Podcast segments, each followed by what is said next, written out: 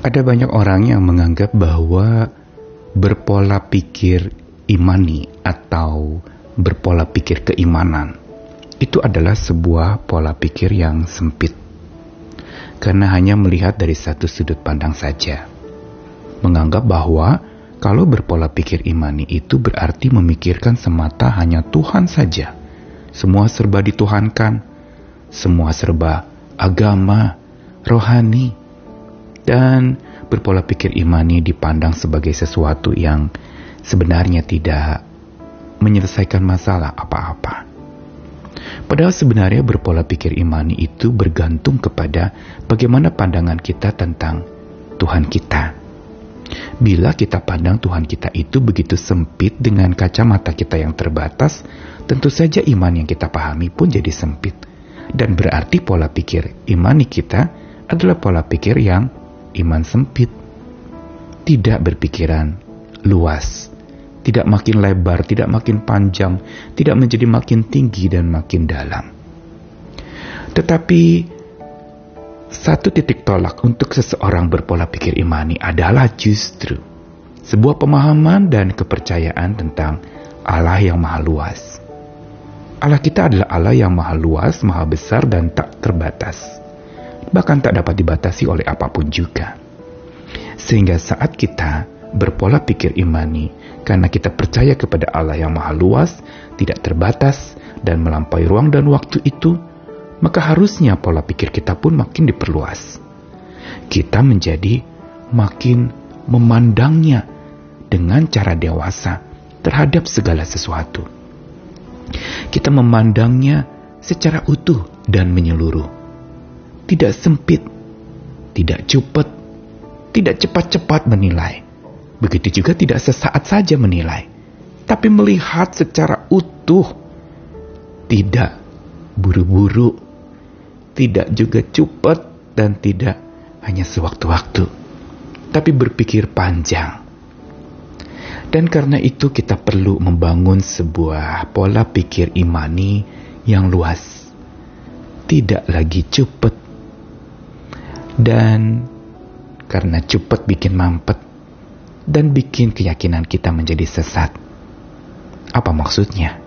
Saya Nikolas Kurniawan menemani lagi dalam sabda Tuhan dari kitab 2 Petrus 1 ayat 5 sampai 9. Justru karena itu kamu harus dengan sungguh-sungguh berusaha menambahkan kepada imanmu kebajikan, kepada kebajikan pengetahuan, kepada pengetahuan penguasaan diri, kepada penguasaan diri ketekunan, dan pada ketekunan kesalehan, dan kepada kesalehan kasih akan saudara-saudara, dan kepada kasih akan saudara-saudara kasih akan semua orang.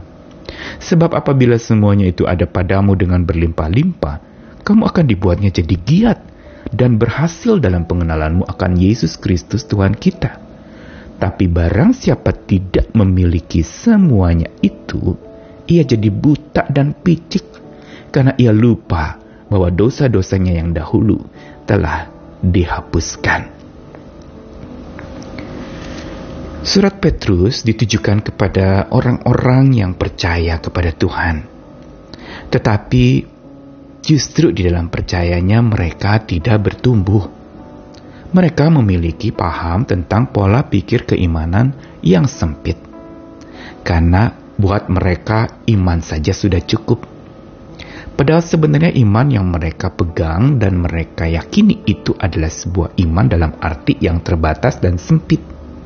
Iman yang percaya kepada Tuhan yang hanya semata mengurusi agama, kerohanian, ibadah, dan kehidupan-kehidupan religi yang sifatnya vertikal. Padahal sebenarnya bicara soal iman adalah sesuatu yang begitu luas karena Allah yang dipercayai dalam iman kita adalah Allah yang maha luas. Allah yang justru wawasannya tidak terbatas dan tidak dapat dibatasi oleh apa pun juga sehingga kalau kita percaya kepada Allah yang maha luas, pikiran kita pun menjadi luas. Dan juga menjadi utuh. Karena Allah kita maha utuh, dia sudah lengkap maka kita juga perlu untuk menjadi utuh dan berpikiran lengkap, tidak sepenggal-sepenggal atau separuh-separuh. Dan juga bukan saja utuh tetapi menyeluruh. Bukan saja di satu waktu tertentu, tapi kita melihat dari kurun waktu yang berbeda-beda, masa lalu, masa kini, dan masa yang akan datang. Dan pola pikir inilah yang luas, utuh, dan menyeluruh itu akan mempengaruhi penilaian kita terhadap segala sesuatu. Bila pikiran kita luas, kita akan menilai dan memandang segala sesuatunya itu juga dengan wawasan yang luas. Kita tidak jatuh kepada penilaian cepat yang cepat. Artinya apa cepat yang cepat? Penilaian yang terburu-buru. Tanpa update, tanpa info, tanpa mengetahui akan cikal bakal atau ujung pangkalnya, buru-buru menyimpulkan tanpa berpikir bahwa Sebenarnya dia baru tahu sebagian, tetapi seolah-olah orang bilang sotoy. Sok tahu, merasa sudah tahu padahal baru tahu sebagian. Atau berpikiran dan penilaian yang cupet, berarti sempit. Hanya semata melihat dari segi yang agama, rohani, yang dua-duanya dipandang sempit. Dan cara yang cepat ini dalam menilai sesuatu membuat kita sebenarnya menjadi tambah mampet di dalam iman dan semangat kita. Karena makin cepatnya penilaian kita, makin kita akan merasa tertindas, merasa tertekan dan dengan pikiran yang sempit kita menjadi merasa terhimpit dan kita tidak bisa lagi melihat akan Allah yang maha luas yang sedang berkarya dan belum selesai berkarya, yang mau mengerjakan rencananya secara utuh dan menyeluruh, bukan sepenggal-sepenggal atau sebagian.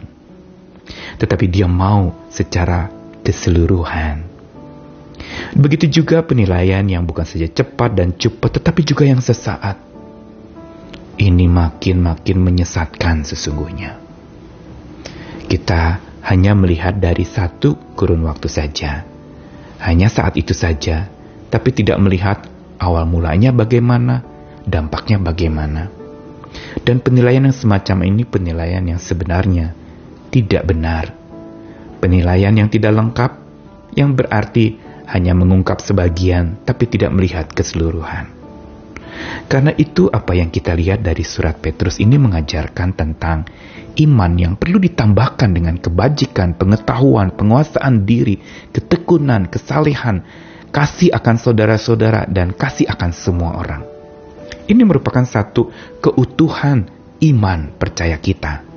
Sebuah iman yang dilengkapi dengan berbagai macam aspek lagi karena iman yang kita percaya kepada Allah Maha Luas itu itu adalah iman yang membuat kita juga makin meluas di dalam kehidupan kita, makin meluas di dalam kita melihat, makin meluas kita dalam menilai apa pun juga termasuk pergumulan hidup kita. Kita tidak melihat seolah-olah penderitaan kita sudah menjadi akhir dari segala hidup kita. Tapi kita melihat bahwa di ujung sana ada pelangi setelah badai.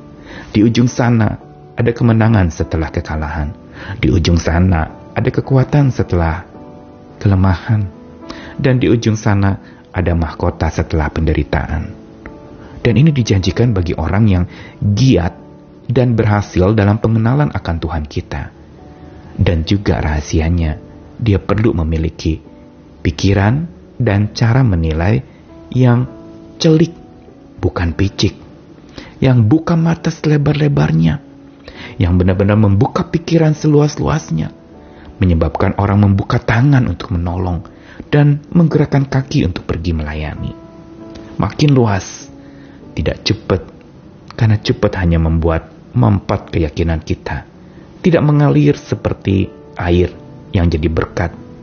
Dan bukan saja cepat itu membuat mempat keyakinan kita, tapi juga membuat sesat karena di jalan yang salah, terarah kepada yang salah, dan dipraktekkan dengan cara yang salah. Mari berdoa mohon kepada Tuhan untuk memperluas wawasan dan pikiran kita.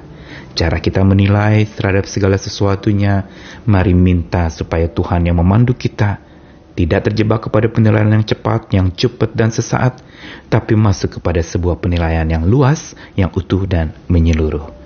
Tuhan mendewasakan kita dan makin mematangkan kita dalam berpikir secara keimanan. Amin.